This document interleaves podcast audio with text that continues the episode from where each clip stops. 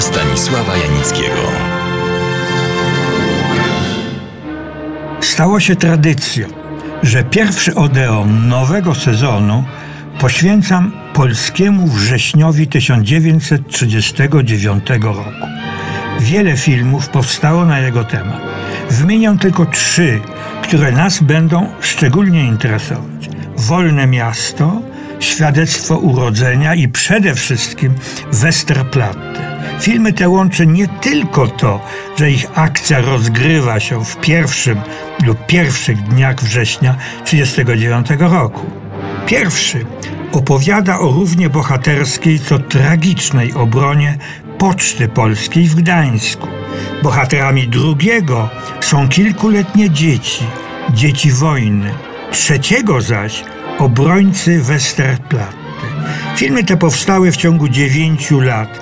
1958-67 i reżyserem wszystkich był jeden z najwybitniejszych reżyserów polskich, niestety nieżyjący już, Stanisław Różewicz. Scenariusze tych filmów napisali znakomity pisarz Jan Józef Szczepański i Tadeusz Różewicz, brat reżysera, najwybitniejszy powojenny poeta polski. O ich, to znaczy braci Różewiczów, wieloletniej twórczej współpracy kiedyś dokładniej opowiem. Wracam do trzech wymienionych filmów. Ich tytuły Wolne Miasto, Świadectwo Urodzenia i Westerplatte. Dzisiaj interesuje nas szczególnie ten trzeci z wymienionych, Westerplatte. Dlaczego? Nie tylko dlatego, że jego czas nastał. Co roku we wrześniu nastaje jego czas, ale dlatego, że jest to moim skromnym zdaniem jeden z najlepszych, najwybitniejszych polskich filmów fabularnych. Pozwolę sobie przypomnieć Państwu, w czym rzecz. Najpierw moje lapidarne streszczenie. Obrona polskiej placówki na Westerplatte we wrześniu 1939 roku. Tu padły pierwsze strzały II wojny światowej. Bohaterstwo żołnierzy, starcie dwóch postaw. Dowódcy majora Sucharskiego, który trzeźwo ocenia sytuację i nie widzi celu i szans dalszego oporu, chcąc uniknąć niepotrzebnego rozlewu krwi. Kapituluje w siódmym dniu walki oraz jego zastępcy, kapitana Dąbrowskiego, uważającego, że niezależnie od wszystkiego walczyć trzeba do ostatniego naboju. To drugie stanowisko popiera zresztą większość żołnierzy. A teraz oddam głos reżyserowi Stanisławowi Różewiczowi, który wspominał okres i problem realizacji Westerplatte.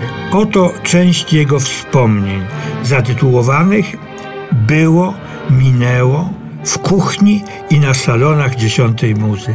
Oto jego słowa.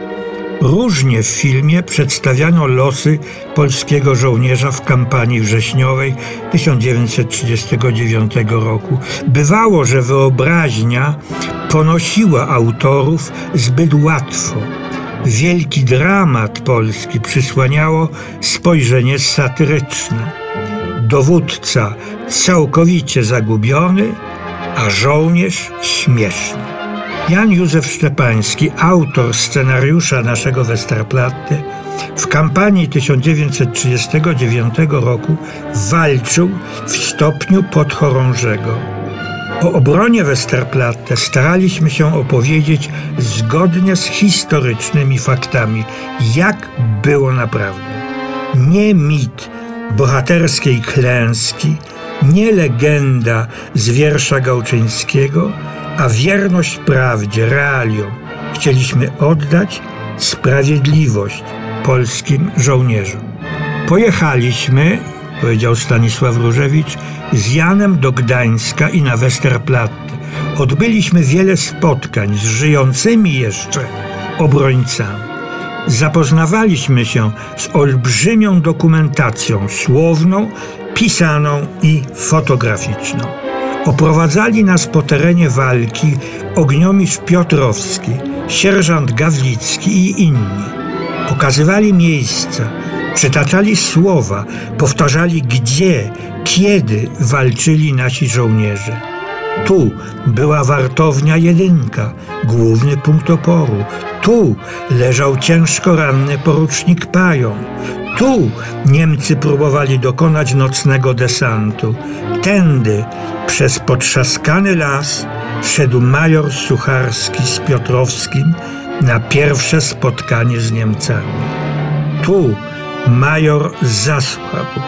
Miał za sobą siedem dni, nocy, walki, straszliwego napięcia. Ciążyła na dowódcy odpowiedzialność za życie załogi. Piotrowski zostawił nam obszerny zapis tamtych dni, sytuacji, których był osobistym świadkiem. Westerplatte miało wytrzymać dzień, dwa do chwili nadejścia wojskowej pomocy, która, jak wiemy, nie nadeszła. A o dalszych szczegółach walk oraz problemach realizacyjnych opowiem Państwu za tydzień. Zapraszam serdecznie do Odo.